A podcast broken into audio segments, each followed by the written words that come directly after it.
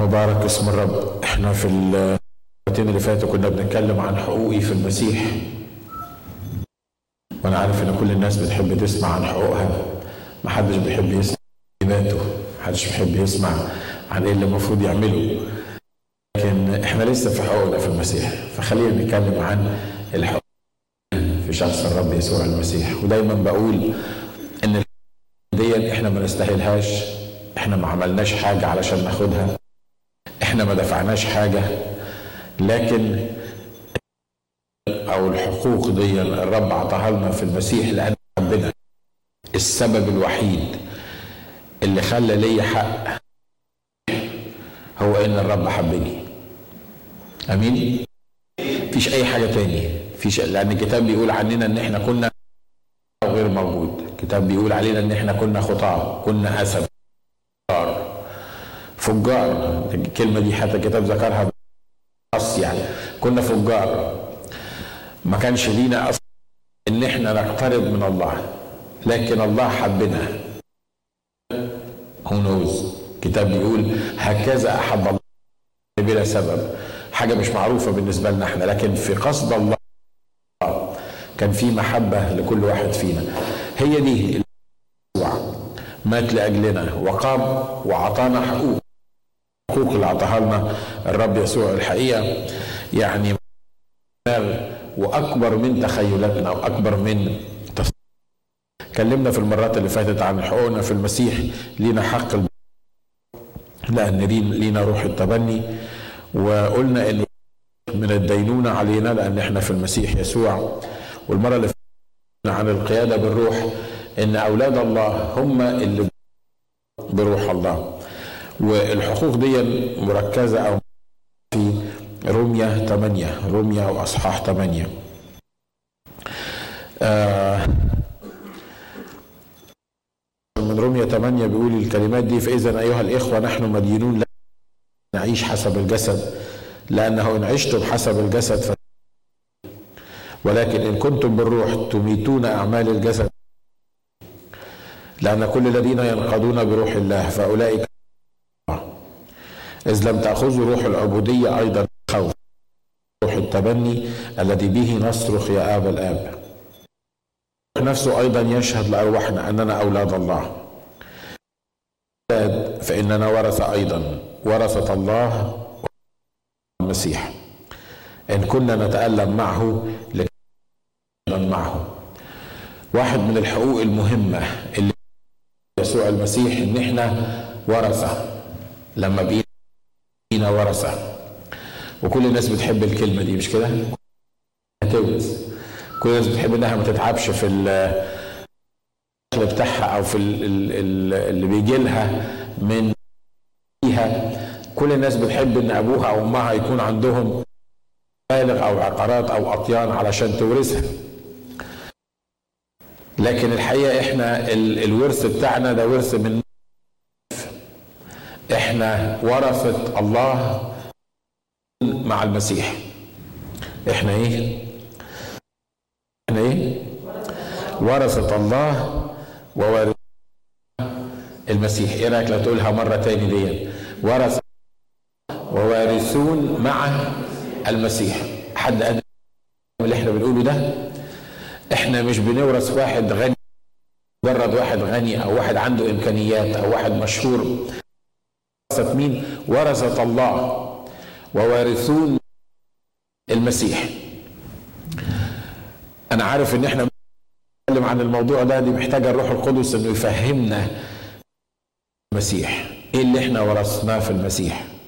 وإزاي ورثة الله؟ الله الله مش يقدر يوصفه. اللي ما تقدرش تتخيله العظمة في دماغك. لا في غناها الذي لا يستقصى مكانه الكبير. مهما قعدنا نتكلم عنه عقولنا الصغيرة تحيط بكلمة الله. هذا الله العظيم القادر على كل شيء الغني في العطاء والكريم في التوزيع.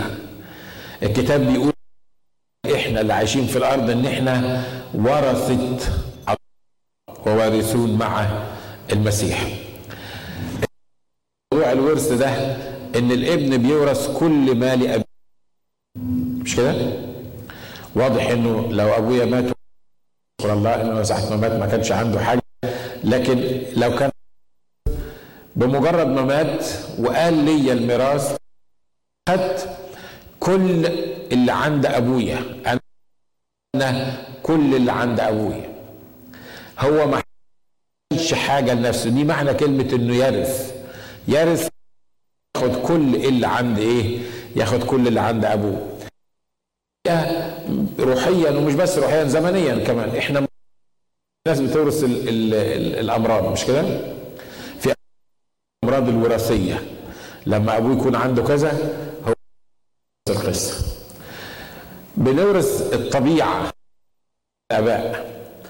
في معظم المرات بشوف ولد بيتصرف إزاي أو بنت بتتصرف إزاي البيت اللي هو جاي منه بقدر اعرف ابوه شكله إيه أو. لو شفت ولد ليه صفات معينة دايما ده متربي فين ده؟ ابوه شكله إيه؟ امه شكلها إيه؟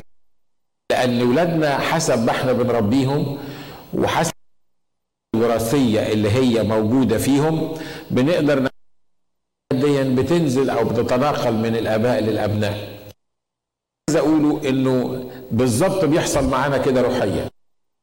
إحنا المفروض ان إحنا ورثة الله. يقول جعلنا شركاء الطبيعة الإلهية. أنا مش بس لما بتكلم عن لأن دايما لما بنتكلم عن الورث بنفكر في إيه؟ بنفكر في مصر. بنفكر في غنى. بنفكر في أمور مادية. الكتاب بيقول إن إن الله جعلنا الطبيعة الإلهية. إن لما بقينا أو أخذنا طبيعة الله.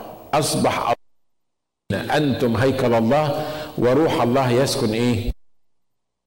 عشان كده عايزك النهارده تفهم وارث بس الأمور المادية مش بس الغنى الذي عنه الكتاب في اليوم الأخير لكن إحنا وارثون في صفاته وفي طبيعته وفي طريقته. تقول لي هو فين اللي أنت بتقوله ده؟ يظهر إن أنا ما ورثتش يظهر من الله. الله طويل الروح وكثير الرحمة. وأنا مني. أنا أي حد يكلمني اهب فيه. هي ده ده, ده الورث اللي انت الله محبة وأنا بكره حتى نفسي. مع إن أنا اتجددت في يوم من الأيام. الله وفرح وأنا عايش في اكتئاب. يظهر إن أنا مو... لا خلي بالك. الكتاب يقول لخصته جاء أما كل الذين قبلوه فأعطاهم سلطان أولاد الله كم ابن وبنت لله كل ابن وكل بنت لله موجودة. كل ابن بمجرد الله انت اصبحت في الوصية. وارث الله وارثين مع المسيح. كل اللي ورثوا المسيح من الله. تقول لي هو فين؟ دي مشكلتك انت دي مش الله لو أنا النهارده عندي غنى كتير جدا والوارث بتاعي كون إن ابني ما يعرفش اللي ورثه ده موضوع تاني لكن ده ما يمنعش ما يلغي إن ابني وارث كل حاجة موجودة. أنت ما فيكش صفات الله أو أنا ما الله أو أنا مش قادر أستمتع بالورث اللي ليا. مشكلة الله.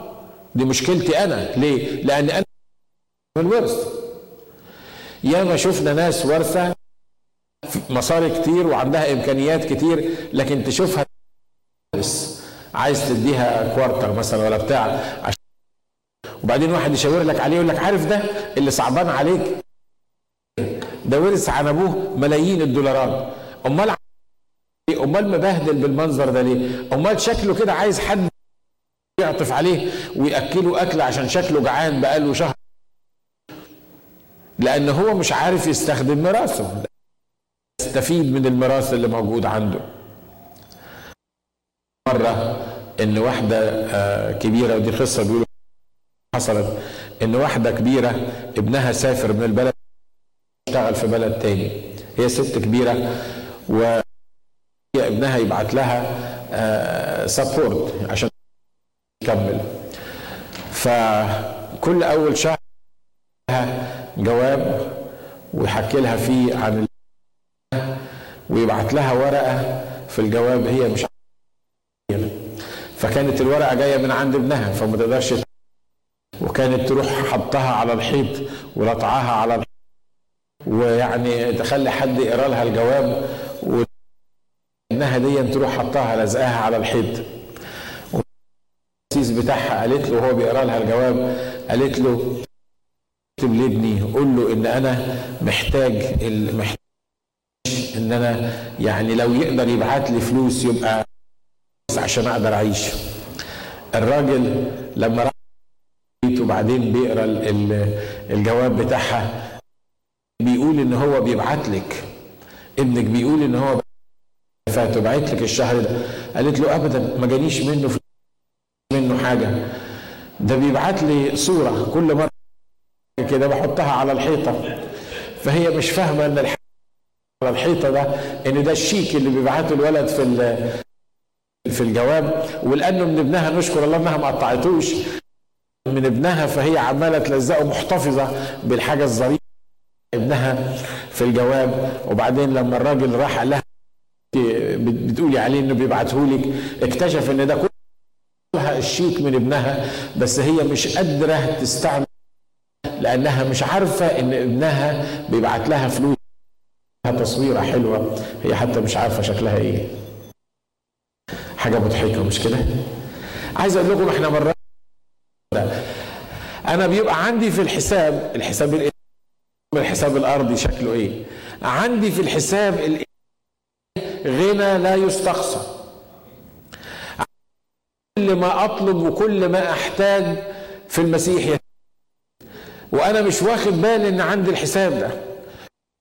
أشحت من الناس أسألهم عن واحد يصلي لي يقول لي كلمة من عند الرب أو واحد يقول ربنا يرضى عني علشان يحل لي المشكلة أو عشان يتصرف معايا التصرف المعين ده.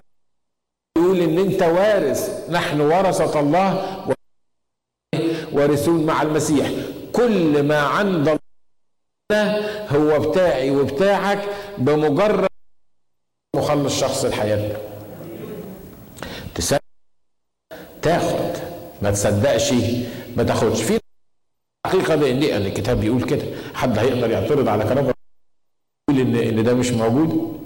لكن مش مهم أنت إيه أو مش مهم تفكيرك شكله إيه. هل أنت قادر تستوعب ليك. الكتاب بيتكلم عن بعض يعني إيه قصر يعني ما وصلش لل 10 سنة أو للسن الليجل اللي يقدر يستخدم فيه الميراث ولما الله يحس أو لما أنا قاصر صغير مش هيعرف يتصرف في الميراث بتاعه الطبيعي انه زي ما كان بيحصل في العهد القديم إنه بيحط والوصي ده هيبقى وصي عليه لغاية يكمل السن القانونية علشان يقدر يصرف عشان يقدر يستمتع باللي ليه. مرات الله ما يقدرش يدينا كل اللي لينا نتصرف كما لو كنا أطفال صغيرين قصر اللي لينا في المسيح هندمر نفسنا. صح؟ ها؟ الكتاب بيقول اطلبوا وما بتاخدوش. تقول لي إزاي أطلب وما أخدش؟ أنت مش بتقول إن أنا وارث؟ ان إن أنا كل اللي وارثه إن كل الله بيديه أنا وارث أمال بطلب من ربنا ما بيدينيش ليه؟ لأن نطلب رديا عشان ننفق إحنا مش بنطلب اولا ملكوت الله. إحنا مش عايزين علاقة بالله. الراس اللي لينا في الله. وأنا اسمع الكلام ده مرات هتقول أنا ليا ميراث في الرب. خلي بالك. ياخدوه إيه؟ ياخدوه الأولاد. لو ما كنتش ابن لله لو ما عرفت وما كنتش ابن لله ما تقدرش تطلب الميراث ولو ما كانش فيه علاقة بينك وبين تستمتع بالميراث بتاعك. ليه؟ لأن الأب الأرضي ما ولا بعد ما بيموت. عشان كده أنت من حقك تعمل حاجة في الميراث بتاعك. لكن الميراث اللي إحنا بنتكلم عنه ده أبوك عايش وهو واصي عليك. عايز يديك كل اللي عنده بس هو عايز علاقة بينه. تقول لي الميراث ما في ايده بس الشركة بيني وبينه دي هي حلوة ما بتحصلش كتير. ودايما بقول المثل إن كتير. العلاقة بين الطفل الصغير أبوه بيحبه وعايز يستمتع. مفيش حاجة تعوض اللحظة. اللي الأب بيمسك فيها أو الأم اللي بتمسك فيها تغير الطفل الصغير دون وتلعب معاه أو يلعب معاه. لكن دايما الأطفال ما بيفكروش بالطريقة دي. الأطفال أنت جبت لي إيه؟ صح؟ ها؟ عمرك شفت طفل صغير تخش تديله لعبة يقول لك لا يا بابا أنا ما يهمنيش اللعبة دي أنا يهم أنا يهمني إن إحنا نقعد سوا أنا يهمني فيا. شفت طفل زي ده؟ لو شفته بتعالى قول لي هو فين اتعلم منه عشان أحط فوق دماغي. لكن لا اللي اللي بيحصل إن علاقتي أنا كأب عايز يكون في علاقة محبة وشركة بيني وبين ولادي. لكن الشيء الطبيعي إن الأطفال الصغيرين عايزين أو بيبصوا لي أنا كبابا اللي بيدي. وده الكلام ده. لما تجيب له حاجة حلوة ولا لما يعني إنك أنت بتدي يا سلام ده أنت بس أحسن. And if you don't give dad I hate you.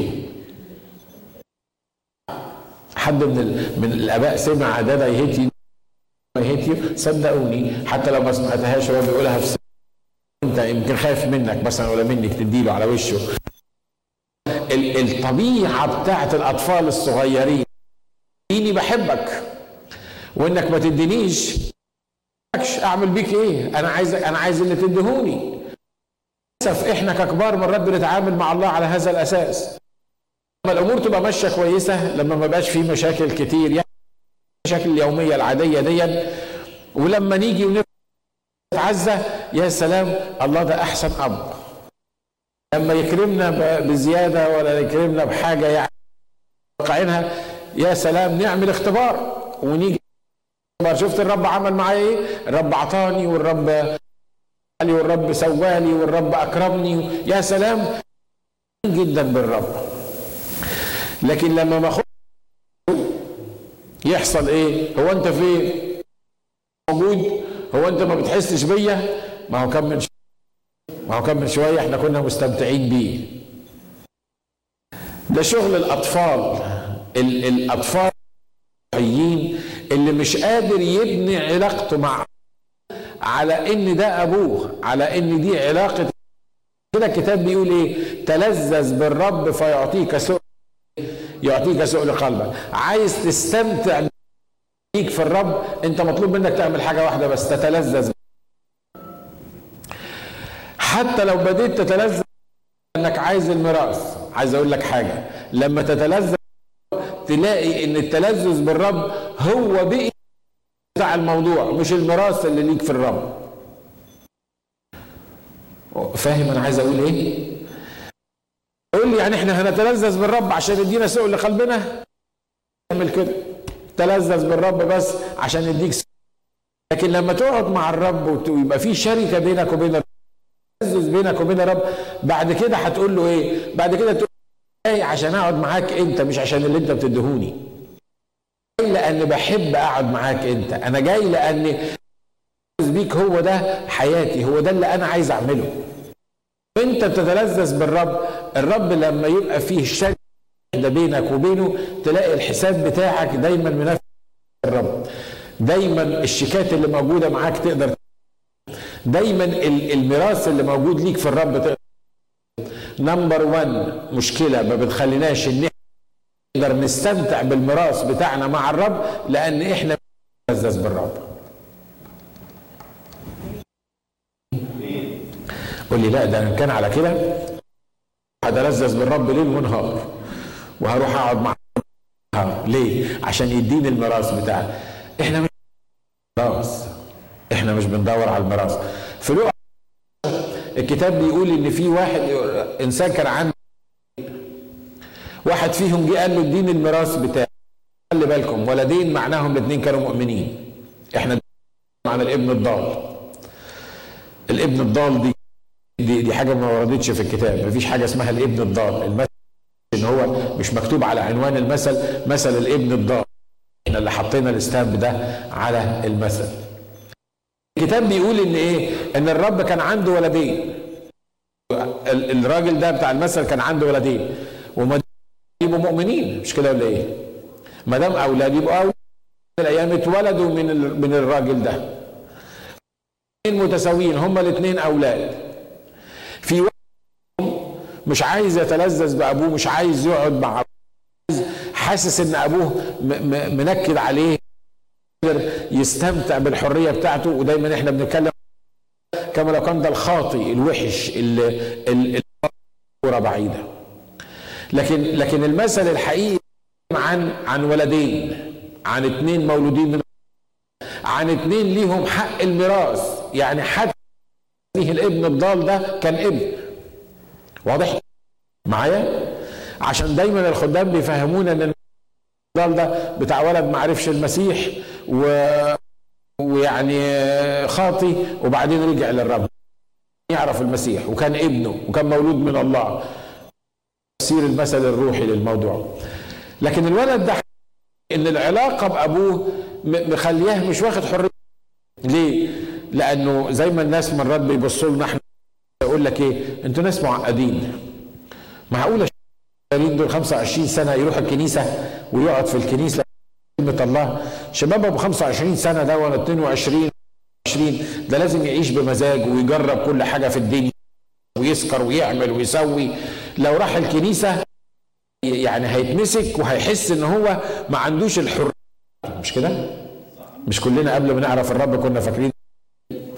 لما كان واحد يجي وأنا عندي 17 سنة يقول لي للمسيح سلم حياة المسيح وأنا وأنا بعمل إيه؟ حياة المسيح. أنت عايزني من دلوقتي أسلم حياة المسيح؟ سلمت حياة المسيح هيقول لي سيب كذا وسيب كذا وسيب كذا. وأنا ناقص عقد. أنا لسه 17 سنة ولا 20 اديني فرصة أعيش الأول وبعدين أسلم حياتي للمسيح ودي حاجة هنتكلم عليها في مرة تانية عن الحريه اللي لينا في المسيح.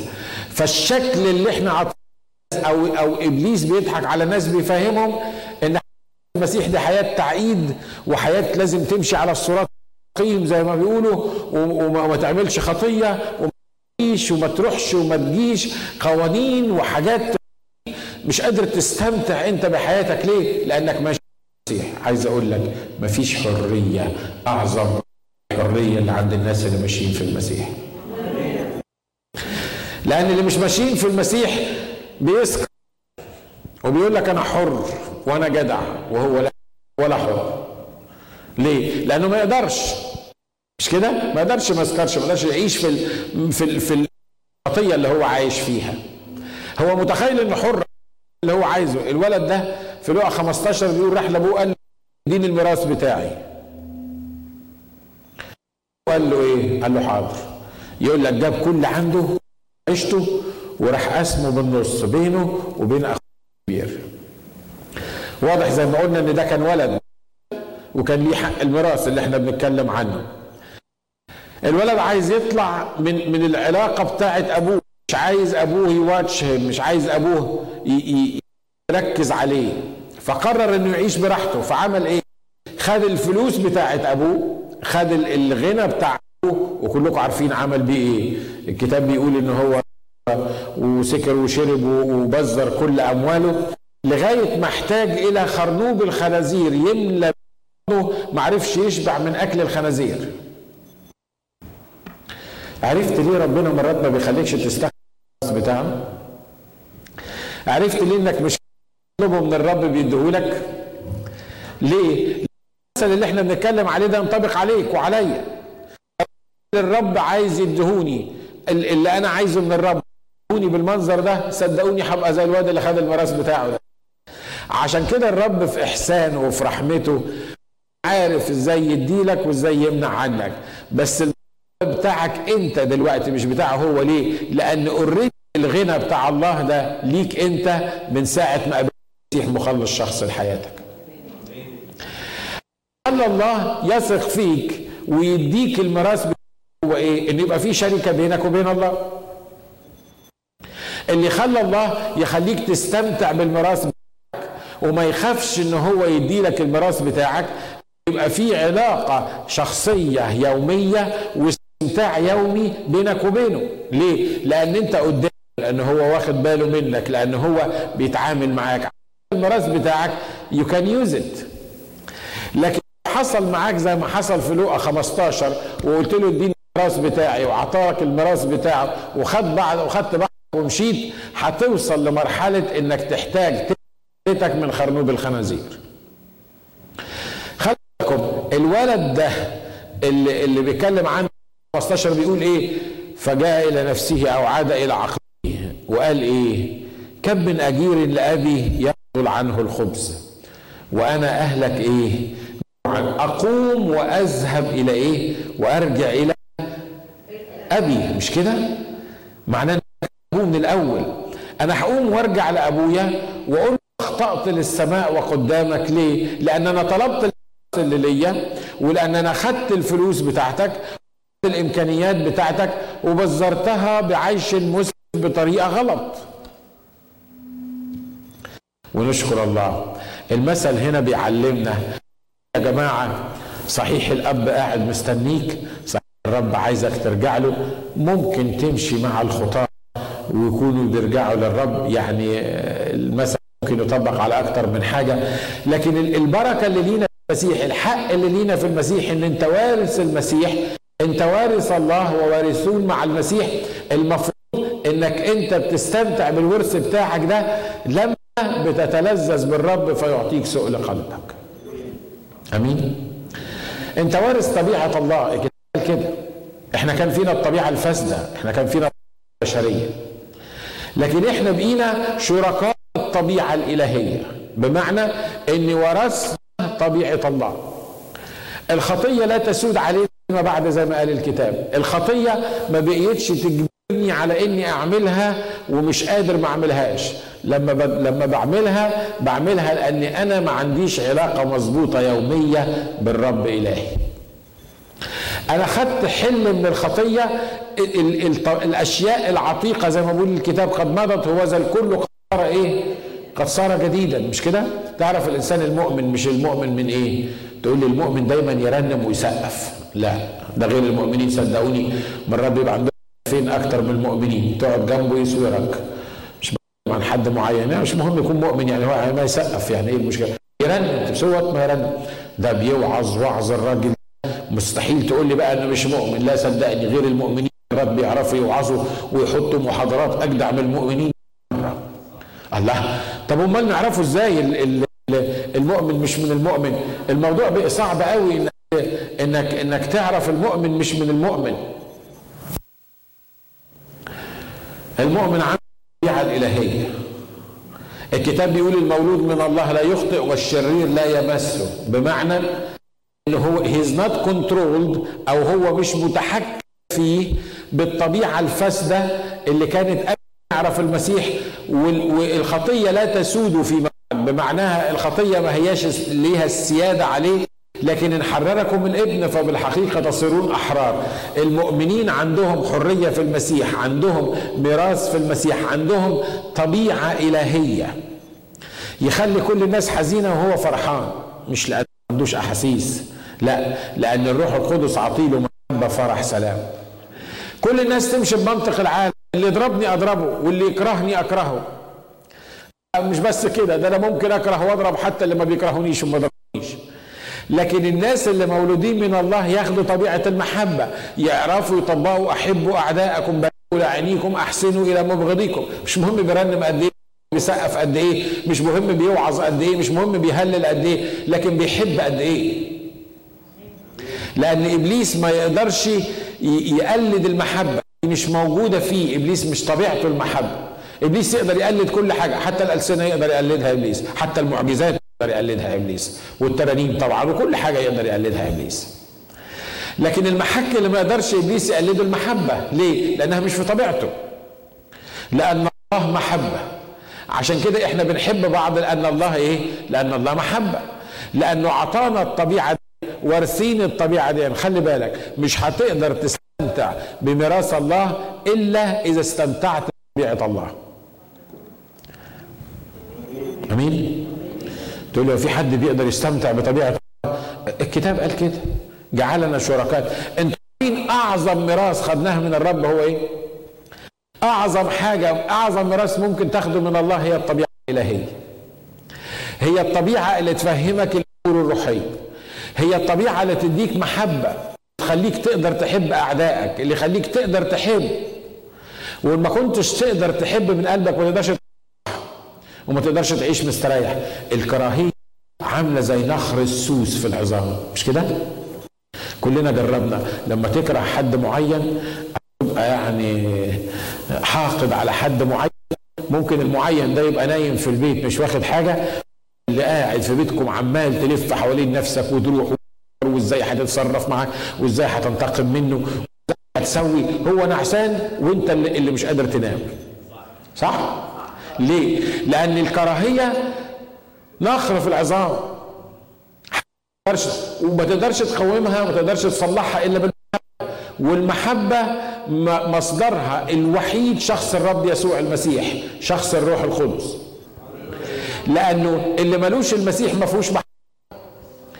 الناس فاكرة إنها لما تدافع عن الدين بالسلاح وبال... وبال... بال... بالسيوف وبالجنازير إنها بتجبر الناس على إنها تعرف الله. الله محبة. عشان كده اللي يعرف الله اللي ما تجيبوش المحبة لله ما يجيبوش أي حاجة. آمين؟ الطبيعة اللي إحنا ورثناها من الله ورثت طبيعة المحبة. تقول لي أمال أنا ببص جوايا بلاقي بغضة وبلاقي كراهية؟ أنا بتكلم عن نفسي مرات. مصدقني ها؟ يا ترى انت زيي ولا أنا بس اللي وحش؟ ها؟ أنا اقصد أقول لك على على على على الوحاشة اللي أنا فيها. مرات مرات احس ان ان فلان ده أنا مش قادر اطيقه مش قادر اقبله. وعندي 100 سبب ان أنا ما اطيقوش و100 سبب ان أنا ما اقبلوش. 100 حاجة تخليني حاسس انه ان ان البني آدم ده يعني لازم لازم يحصل فيه حاجة. عارفين أنا بعمل إيه؟ لما أتحط في الموقف ده بمسك البني آدم ده وأقعد أصلي له. وأبص في نفسي أقول العيب مش في البني آدم العيب في المحبة. هو وحش؟ أصدقني وحش أنا مش بتكلم عن حد معين يعني. هو وحش؟ وحش جدا. لكن المشكلة مش فيه هو. المشكلة في المحبة اللي موجودة جوايا. المشكلة في إحساسي أنا من ناحية الشخص ده. أنا مش بصلي إمتى ربنا يغير الشخص اللي قدامي؟ لا. أنا بصلي إمتى ربنا يملاني بالمحبة علشان أنا أتغير عشان أعرف أتعامل مع الشخص اللي قدامي. محدش فينا بيبص لنفسه محدش فينا بيحكم على نفسه. إحنا كلنا بنحكم على الآخرين على الناس اللي بيضايقونا على على اللي واقفين على اللي ما يستاهلوش محبتنا. وبنحاول ومرات بيضحك علينا وبنصلي يا رب غير الطرف الثاني يا رب اعمل حاجة في الموضوع ده. لكن الحقيقة إن أنا وأنت محتاج نصلي يا رب املاني بالمحبة لأن أنا وارث المحبة. ليا عندك محبة أنا عايز الميراث اللي ليا فيك إنك تملاني بالمحبة. وساعتها هتلاقي أشر الناس اللي موجودين في الأرض إنك تقدر تحبه. آمين. شفتوا محبة الرب يسوع المسيح لما لما بيتعامل مع شاول الطرسوسي شاول الطرسوسي كان بيعمل إيه؟ كان بيقتل المؤمنين كان بيحطهم في السجن. ولما يتغاظ منهم قوي يروح ينفيهم. يعني شاول شاول الطرسوسي أنا وانتوا سمعنا عن شاول الطرسوسي ده بيعمل الحكاية دي كنا عملنا له اجتماع صلاة. كنا عملنا اجتماع صلاة قلنا في إيه للرب؟ يا رب اكسر رقبته. يا رب خلصنا منه. يا رب الراجل اللي واقف ضدنا دون بيسوق المؤمنين. مش صح ولا لا؟ حتى لو ما قلتش ببقك أنا عارف إنك بتضحك لكن أنا عارف إن الكلام ده مرات إحنا بنقول يا رب إحنا عايزينك تتمجد تتمجد تعمل في إيه زيحه بأي شكل من وشنا خلينا نخلص منه خده بأي حاجة اعمل أي حاجة بس المهم إن هو يمشي من قدامنا لكن بصوا محبة الله انظروا أية محبة أعطانا الله انظروا أية محبة قد إيه المحبة اللي الرب. يعني جزلها لينا في المسيح يسوع. إحنا بنصلي بنقول يا رب إحنا مش عايزين شاول ده الرب لما قال لحنانيا روح حط إيديك على عينيه عشان هو زي يصلي. قال له أنت ما سمعتش ولا يا رب. هو أنت ما مش واخد بالك تشاول ده مين؟ ده شاول ده إحنا عارفين إن عنده توصية من رؤساء الكهنة عشان يسوق المؤمنين يحطهم في السجن. والرب يقول له حنانيا يعني أنت سمعت وأنا ما سمعتش؟ أنت عارف شاول وأنا مش عارف شاول؟ حنانيا قوم روح زقاق المستقيم وحط ايديك على لأن شاول هوذا إيه؟ هوذا يصلي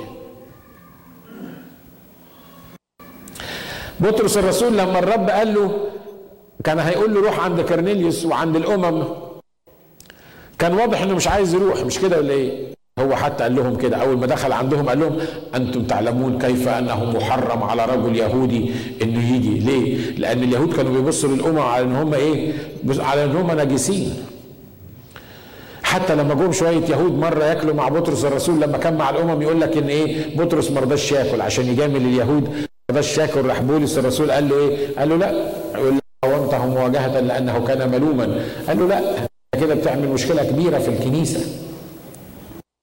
والرب علشان يخلي بطرس يروح يخدم للأمم يعمل إيه؟ خلاها وقع في انبوبه أو في سبات وراح موري له الملاية الكبيرة اللي مليانة تعابين وضفادع وحاجات يعني ما ينفعش إنه ياكلها وقال له إيه؟ يا بطرس قم اذبح وكل. أول ما بص قال له لا يا رب ده كل حاجة في الملاية دي نجسة ده أنت جمعت لي الطيور النجسة على يمكن على الحيوانات النجسة على كل الكلام وعايزني أذبح وأكل. لا يا رب أنا ما دخلش بقي نجس قط أنا مستحيل آكل الكلام ده. يقول لك الملاية اترفعت وبعدين راح الملاية نازلة تاني. بطرس قوم كل اذبح وكل. لا يا رب مش ممكن أعمل كده. وبعدين مرة ثالثه بطرس قوم اذبح وكل. وبعدين قال له اسمع ما طهره الله لا تنجسه أنت. اللي بقول لك كله تاكله. وبعدين سمع الناس بيندهوا عليه من تحت قال آه أتاري الموضوع بقى مش طيور كنت هذبحها وأكلها أتاري الرب عايزني أروح للأمم. خلي بالكم إحنا بنتكلم عن مين؟ عن بطرس الرسول اللي قعد مع الرب ثلاث سنين ونص اللي المفروض شبع بالمحبة بتاعته واللي شاف الصليب بتاعه واللي اتملى بالروح القدس واتعمد بالروح القدس واللي اتكلم ربح الناس للمسيح واللي الرب ائتمنه على انه يروح يفتح أماكن مختلفة للخدمة بطرس الرسول بطرس الرسول حاسس إن هو مش قادر يروح للأمم ليه؟ لأن خلاص الأمم محكوم عليهم انه في فرق بينهم وبين اليهود. لينا ميراث عند الرب اسمه محبة آمين الطبيعة الإلهية لينا ميراث اسمه إيه؟ محبة، تيجي تقول لي قسيس ما تزعلش مني، أنا مش قادر أحبه. يا خيبتك ويا خيبتي. ليه؟ لأنك مش قادر تحبه معناها إنك ما بتستعملش الميراث بتاعك. تقول لي حبه إزاي؟ أنت عارف عمل فيا إيه؟ ما أعرفش أنت عمل فيك إيه، بس أنا عارف إن ليا ميراث اسمه محبة.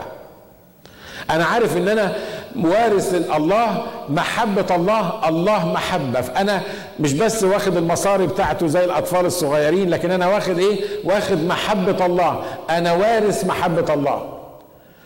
لو لو إبليس ضحك عليك وقال لك الشخص ده ما يتحبش أو أنت ما تقدرش تحبه أنت ما بتستخدمش مراسك أنت معايا؟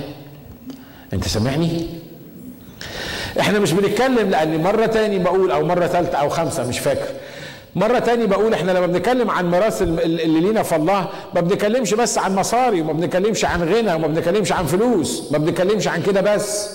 ده جزء من من الميراث اللي لينا في المسيح. لكن الميراث اللي لينا في المسيح المحبة اللي تحب أعدائنا اللي تبارك لاعنينا. يبقى بيسبك وبيلعنك وأنت بتقول له الله يباركك. مش بتقولها له عشان تغيظه. لأن مرات إحنا بنعمل كده. وهو بيعمل كده. ربنا يباركك. ما أنا أصل مؤمن. ما أقدرش أكلمك. ما أنا لو عملت غير كده هبقى غلطان. ما لازم ربنا يباركك. عارف وأنت مش قادر حتى تفتح بقك تقولها لأن طالع من جواك. لا أنا بتكلم على الناس اللي يلعنوك. وهم بيلعنوك. أنت قلبك بيبقى مليان بالمحبة بحيث إنك تقول له الله يباركك. تقول لي انت بتتكلم هي الناس ممكن يعملوا كده؟ دي طبيعة الناس لا دي مش طبيعة الناس. عشان كده لأن الله عارف إن إحنا ما عندناش الطبيعة دي قرر في رحمته إن يخلينا ورثه الله إن إحنا نورث الله في المحبة. الله غني في المحبة الله نفسه محبة مش بس غني في المحبة مش عنده كميات محبة أو أطنان من المحبة يديها لك. الله نفسه محبة. لما تورث الله تورث المحبة. صدقني ما تعرف تستمتع بحياتك إلا إذا ورثت المحبة بتاعت الرب. لأن اللي حوالينا يجننوا الدنيا ال- ال- الناس اللي حوالينا والناس اللي بنتعامل معاهم يعفرطوك مش كده؟ من على الريق كده. كل الناس اللي انت بتشوفهم تحس ان انت عايز تنط في كرشهم زي ما بيقولوا. لكن تمشي إزاي في الحياة؟ الأمور تمشي إزاي؟ تتسقيم إزاي العملية؟ ما تقدرش إلا إذا خدت الميراث اللي ليك فالله وهو المحبة. آمين. الموضوع النهارده مش على المحبه موضوع على الميراث اللي ليا. المحبة تظبط مئة ألف حاجة في حياتك. عارف إيه عارف تظبط إيه؟ حاجة مهمة جدا بالنسبة لنا. يقول لك أنا دايما ضايج فلان ده كل ما تشوفه تلاقيه ضايج فلان ده ما تعرفش تكلمه. دايما أعصاب. صح؟ وبعدين يقول لك أصل إحنا العراقيين كده. إحنا دايما تلاقينا أعصاب كده. والمصريين برضه نفس القصة أعصاب. الدنيا كلها أعصاب. هو أنتوا بس الاعصاب الدنيا كلها أعصاب. عندها عندها عندها كراهية. عارف لما تورث الله في المحبة تلاقي نفسك هديت. الناس تعرف تتكلم معاك.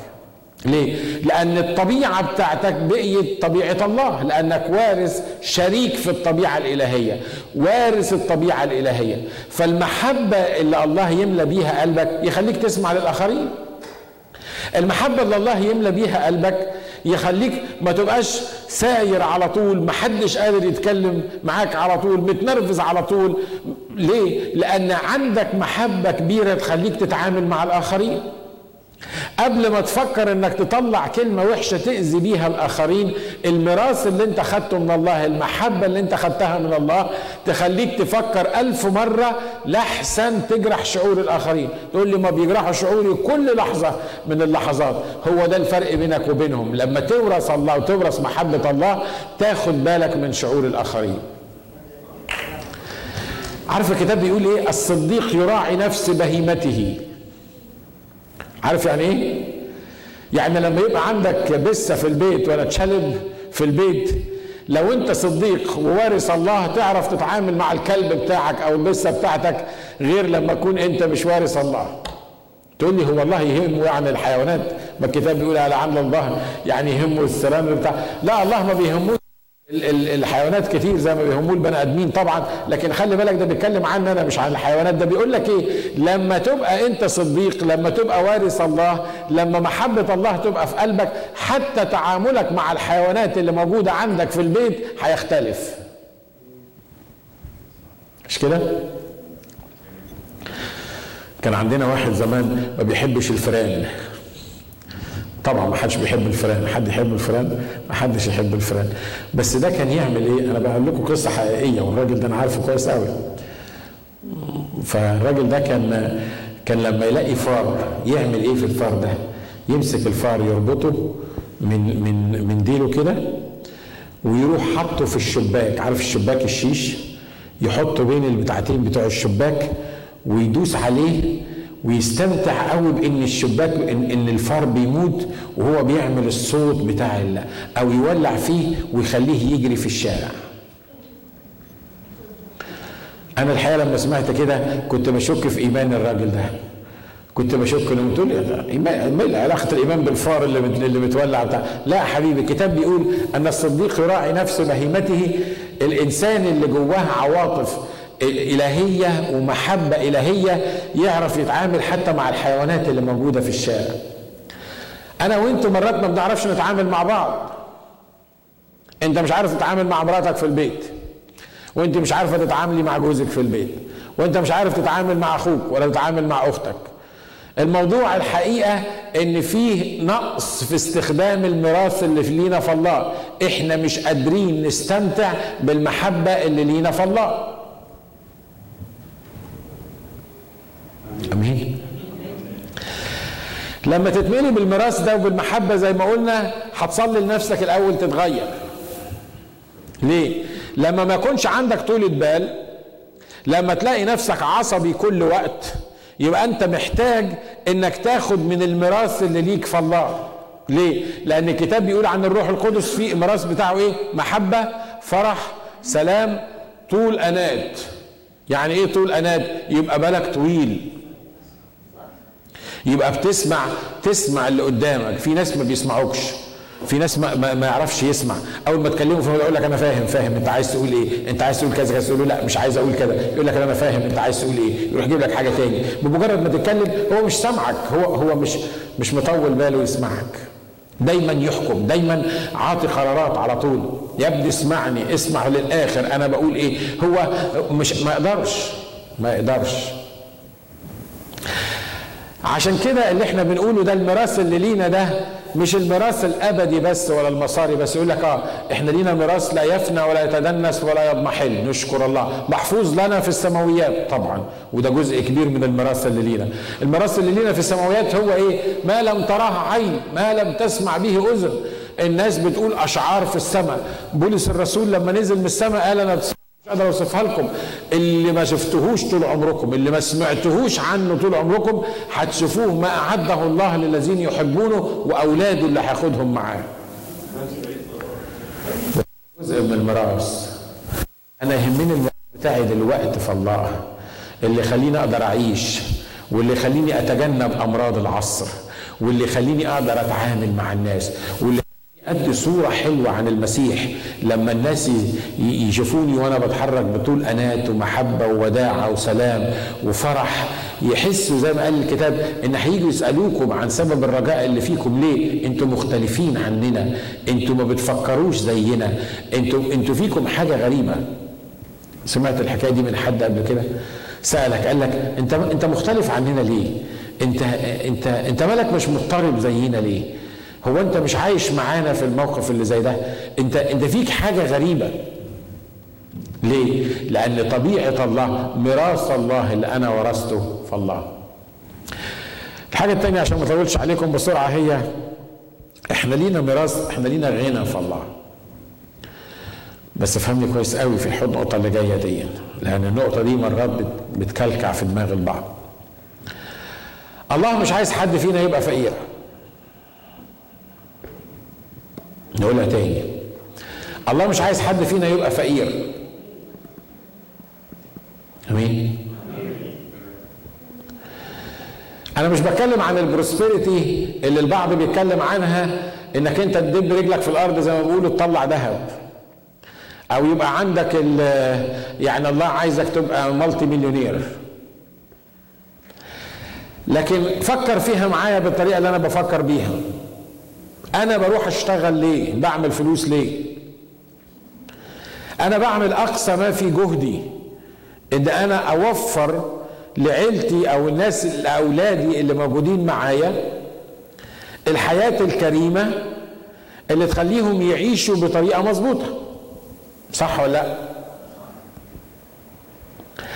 لو أنا الإنسان الأرضي بيفكر في أولاده وبيفكر في بيته إني مش عايز أشوفهم محتاجين لحاجة وعايز أخدهم من مستوى لمستوى وعايز يكونوا سعداء. أنا بعمل كل مجهودي علشان هم الورثة بتوعي دول يكونوا سعداء في حياتهم ويعيشوا مظبوط صح؟ لو أنا الإنسان بعمل كده فكم وكم الله اللي غني غنى لا يستقصى اللي معاه الملايين. اللي معاه الذهب والفضة. للرب الأرض وملؤها المسكونة والساكنون إيه؟ والساكنون فيها. يا ترى الله بيفكر فينا إيه؟ مش أنت بتقول إن أنا ابنه؟ آه مش أنا وارث؟ آه. أمال لما شايفني مش قادر أدفع الإيجار آخر الشهر ماله واقف يتفرج عليا كده كما لو كان فقير ما عندوش؟ وماله لما أنا بقعد اصلي له واقول له رب أنا ما عنديش ادفع الايجار اخر الشهر يروح يجيب لي مصيبة ياخد حتى ال 200 دولار اللي موجودين عندي. مش انت بتقول ان ابويا؟ آه مش انت بتقول ان هو بيهتم بيا؟ آه مش انت بتقول ان هو غني؟ امال هو ما بيتحركش ليه؟ أنا عايز أقول لك فكر الله من ناحيتنا. ولما تقرأ الكلام ده في تسمية 28 قال للناس كده قال له اسمع لو سمعت الوصايا بتاعتي وحفظت ما يحفظ من من وصاياي ومن تعاليمي أخليك رأس لا ذنب كل الناس تقترب منك وأنت لا تقترب من أحد. انت معايا؟ انت سامعني أنا بقول إيه؟ دايما فكر في إن الله أبوك زي ما كنا بنتكلم عايزك تعيش في غنى. تقول لي وأنا مشكلتي الأساسية الفقر. من ساعة ما اتولدت أبويا كان فقير وأمي كانت فقيرة وعشت طفولة متعبة ولما اتجوزت كمان الوحيد اللي جاني مش لاقي ياكل فديني اتجوزته وديني من ساعة ما اتولدت وأنا في الفقر لغاية ما أموت. وأنت بتقول لي إن الله أبوك وغني ويقدر يغنيك وعايز يغنيك وفكر الله من ناحيتنا إن إحنا نكون أغنياء. الكلام ده مش ماشي مع بعض والكلام ده مش كم واحد يؤمن إن الرب عايزه يبقى غني؟ ها؟ ولو ما بتؤمنش بكده تبقى مشكلتك. هتفضل فقري وتعيش فقري وتموت فقري. الله. طب طب ما تحل لنا المشكلة دي. الله عايزنا أبقى غني؟ الله غني. الله أبويا. الله ما يحبش إن أنا أكون فقير. بس أنا فقير. ما, ما, ما بيتدخلش ليه؟ ما بيعملش ليه؟ ما بيتصرفش ليه؟ ده أنت تسأل فيها نفسك دي. ليه؟ اقرأ تثنية 28 وشوف اللي الرب بيقول للشعب بيقول لهم إيه؟ بيقول له تعيش حسب وصاياي تعيش حسب تعاليمي تعيش تتلذذ بيا تعيش تاخد الميراث اللي ليك فيا هتبقى غني. غني مش معناها إنك يعني تبقى غني عشان تتفشخر زي ما بيقولوا ولا تشو على على اللي حواليك لكن يكون عندك كل حاجة بتحتاجها. تقول لي هيغنيني إزاي؟ أنا ما أعرفش الرب يغنيك إزاي. لكن الرب مش عايز حد من ولاده يبقى فقير. الرب مش عايز حد من أولاده يبقى محتاج. ولاده هم اللي بيحطوا نفسهم في الوضع ده. ليه؟ يا إما مش عارفين يطلبوا يا إما مش عارفين يستمتعوا بيه يا إما في حاجة واقفة بينه وبينهم في حاجة غلط في الموضوع.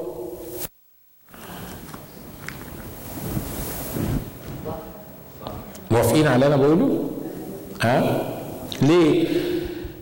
تقول لي لأ ده بص ده ربنا رزق قسم لكل واحد رزق. الأمثال اللي بتودينا في داهية. اللي إحنا يقول لك الأمثال الأمثال دي كلها التعليم ده كله تعليم إسلامي. يقول لك ربنا لا قسم لكل واحد رزق. عطى لكل واحد رزق. أنا عايز أقول لك إن الله عايز يغنيك عايز يديلك كل حاجة موجودة عندك. أمين؟ الله ما الله مش عايز يشوفك أول الشهر محتاج ولا محتار ولا مش عارف تعمل كده ما ينفعش.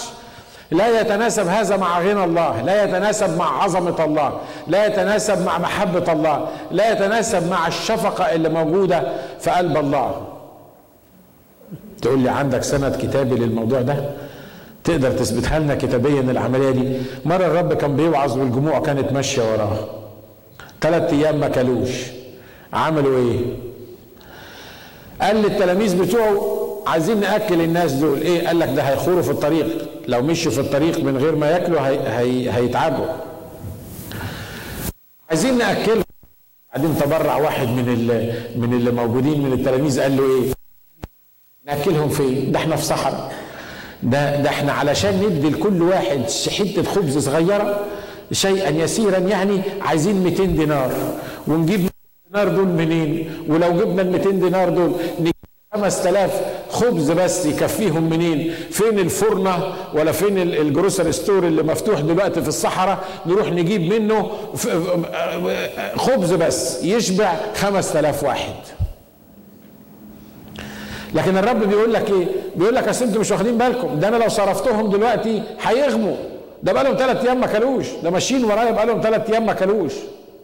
دول ولادي اللي سابوا بيوتهم سابوا مصالحهم وماشيين ورايا عشان يسمعوا الوعظ بتاعي. يعني هم يبقوا أمنا وماشيين ورايا عشان يتعلموا مني وأنا أقعد أعلمهم ولا أقدر اشبعهم وبعدين أقول لهم روحوا أنتوا لكم لكم. الرسل بيقولوا له إيه؟ بيقولوا له اصرف الجموع. ليه؟ بعد كده جعانين. قال لهم ادوهم أنتم لياكلوا. قالوا لا إحنا ما عندناش ما نقدرش نديهم. فسألهم عندكم إيه؟ واحد من اللي واقفين متهيألي أنا ما أعرفش بس متهيألي كده أنا مرات بحب اتخيل الأمور دي بتمشي إزاي. متهيألي كده واحد قال لك إيه؟ آه ده أنا شفت واد عنده خمس ترغيفة وسمكتين. يا ابن الذين ده جابهم منين؟ ده إحنا بقالنا ثلاث أيام جعانين وده عنده خمس ترغيفة وسمكتين. وبيقول للرب بيقول له هنا واحد طفل عنده خمس ترغفة وسمكتين. وبعدين فعل غفلة لكن قال له ما هذا لمثل هؤلاء؟ يعني خمس رغيف وسمكتين سوري أنا بس يعني بفكر أنا. أنتوا عارفين اللي بيقول لك الجعان بيحلم بالعيش؟ هو يعني ماسكة في دماغه لأنه جعانين فماسكة في دماغه الخمس رغيف والسمكتين بيقول للرب ما هذا لمثل هؤلاء؟ يعني ما ينفعش هنعمل بيهم إيه؟ الرب قال لهم طيب. الناس خمسين خمسين. وادوني الخمس ترغيفة والسمكتين. وبالخمس ترغيفة والسمكتين مش هأكل الناس وهشبعهم. ده أنا هزود 12 قفة كمان تكون زيادة عشان كل واحد فيكم أنتوا يا رسل يا اللي مش مصدقين يا اللي عايزين تصرفوا الناس ياخد قفة معاه وهو رايح بيتهم. مش ده اللي حصل؟ ده اللي حصل؟ عشان كده الرب الرب لما بيكتب الكلام ده مش بس بيحكي قصة الرب عايز يقول خلي بالك لما تمشي ورايا مش ممكن هخليك تجوع. لما تديني الأولوية في حياتك لما تتلذذ بيا مش هقعد بس أكلك وعظ وأكلك ترانيم وأكلك تسبيح. وأكلك عشرة حلوة مع المؤمنين وبعد كده تاخد بعضك أقول لك إيه روح دور أنت بقى هتدفع الإيجار في أول الشهر إزاي. لا ده إله أمين ما يعملش كده. ليه؟ لأنك النهارده لما أنت بتقرر تمشي ورا الرب وتستمتع بالرب وتتلذذ بالرب وتستخدم اللي ليك في الرب الميراث اللي ليك في الرب الرب لا يمكن يصرفك جعان. عايز مثل تاني؟ إن الرب ما يحبش يشوفك محتاج. الرب غضب على شعب إسرائيل. وقرر إن شعب إسرائيل ده لا يخش في مجاعة محترمة لأنه هو ترك إله إسرائيل. استخدم ايليا النبي في إنه يصلي فقفل الميه عن إسرائيل لمدة ثلاث سنين ونص وحصلت المجاعة. والأخ ايليا بعد الحادثة الشهيرة بتاعته دي لما موت الانبياء البعل راح قعد في حتة لوحده والرب كان منشف النهر مفيش حاجة مش قادر يشرب ولا ولا ياكل تعرف الرب كان بيبعت له اللحمة مع مين؟ مع خطاف اللحمة عمرك شفت غراب تستأمنه على اللحمة؟ ده الغراب أصلا شغلته إن هو يحوم كده وأول ما يشوف زرزورة صغيرة ولا حتة لحمة في حتة وأنت بتعمل باربيكيو بيبقى ما بتسمعوش يقول لك واه واه فوقيك ليه؟ لأنه بيتمنى لو أنت تخش تجيب حاجة من ويروح خاطف حتة لحمة من اللي موجودة على الباربيكيو بتاعك. ليه؟ لأنه غراب. طبيعته إنه يخطف اللحمة مش إنه يودي اللحمة. لكن الرب يقول للغراب إيه؟ اسمع. أنا ما أعرفش كان بيجيبها منين. اي وش كنت بعرف الحاجات دي. بيقول له اسمع يا غراب. قال له نعم. يقول له تروح تاخد حتة لحمة وتوديها لإيليا. تصحيه ياكل لحمة ياكل لحمة الصبح وياكل لحمة بالليل وإيليا قاعد في حتة ما فيهاش لا أكل ولا شرب في صحراء مش عارف يعمل إيه لكن الغراب ظابط الميعاد بتاعه أول ما ايليا يجوع ويبتدي عايز ياكل تبص تلاقي الغراب راح موصل له حتة اللحمة وخد بعضه ومشي.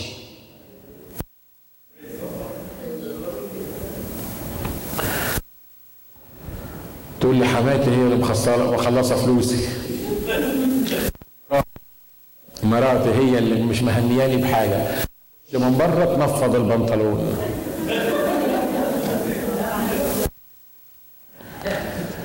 عارف الغراب اللي بتتكلم عنه ده؟ هو اللي يوفر لك فلوسك. هو اللي يجيب لك اللحم. هو اللي الرب يسخره. ليه؟ لأن الرب إحنا وارثين الله. إحنا ورثة الله. الله بيحبنا الله عايز يخلينا نستمتع. مش ممكن واحد زي إيليا بعد ما خدم الرب ال ال ال ال ال ال الظروف تخليه يجوع. إيليا لا كان بيزرع ولا كان بيحصد إيليا كان نبي. إيليا كان بيشتغل في الخدمة. ما كانش عنده حاجة يقدر يعملها. ده اللي بيزرعوا وبيحصدوا كانوا جعانين كانوا موجودين في مجاعة. أمال هو ياكل منين؟ الرب يبعت له الغراب.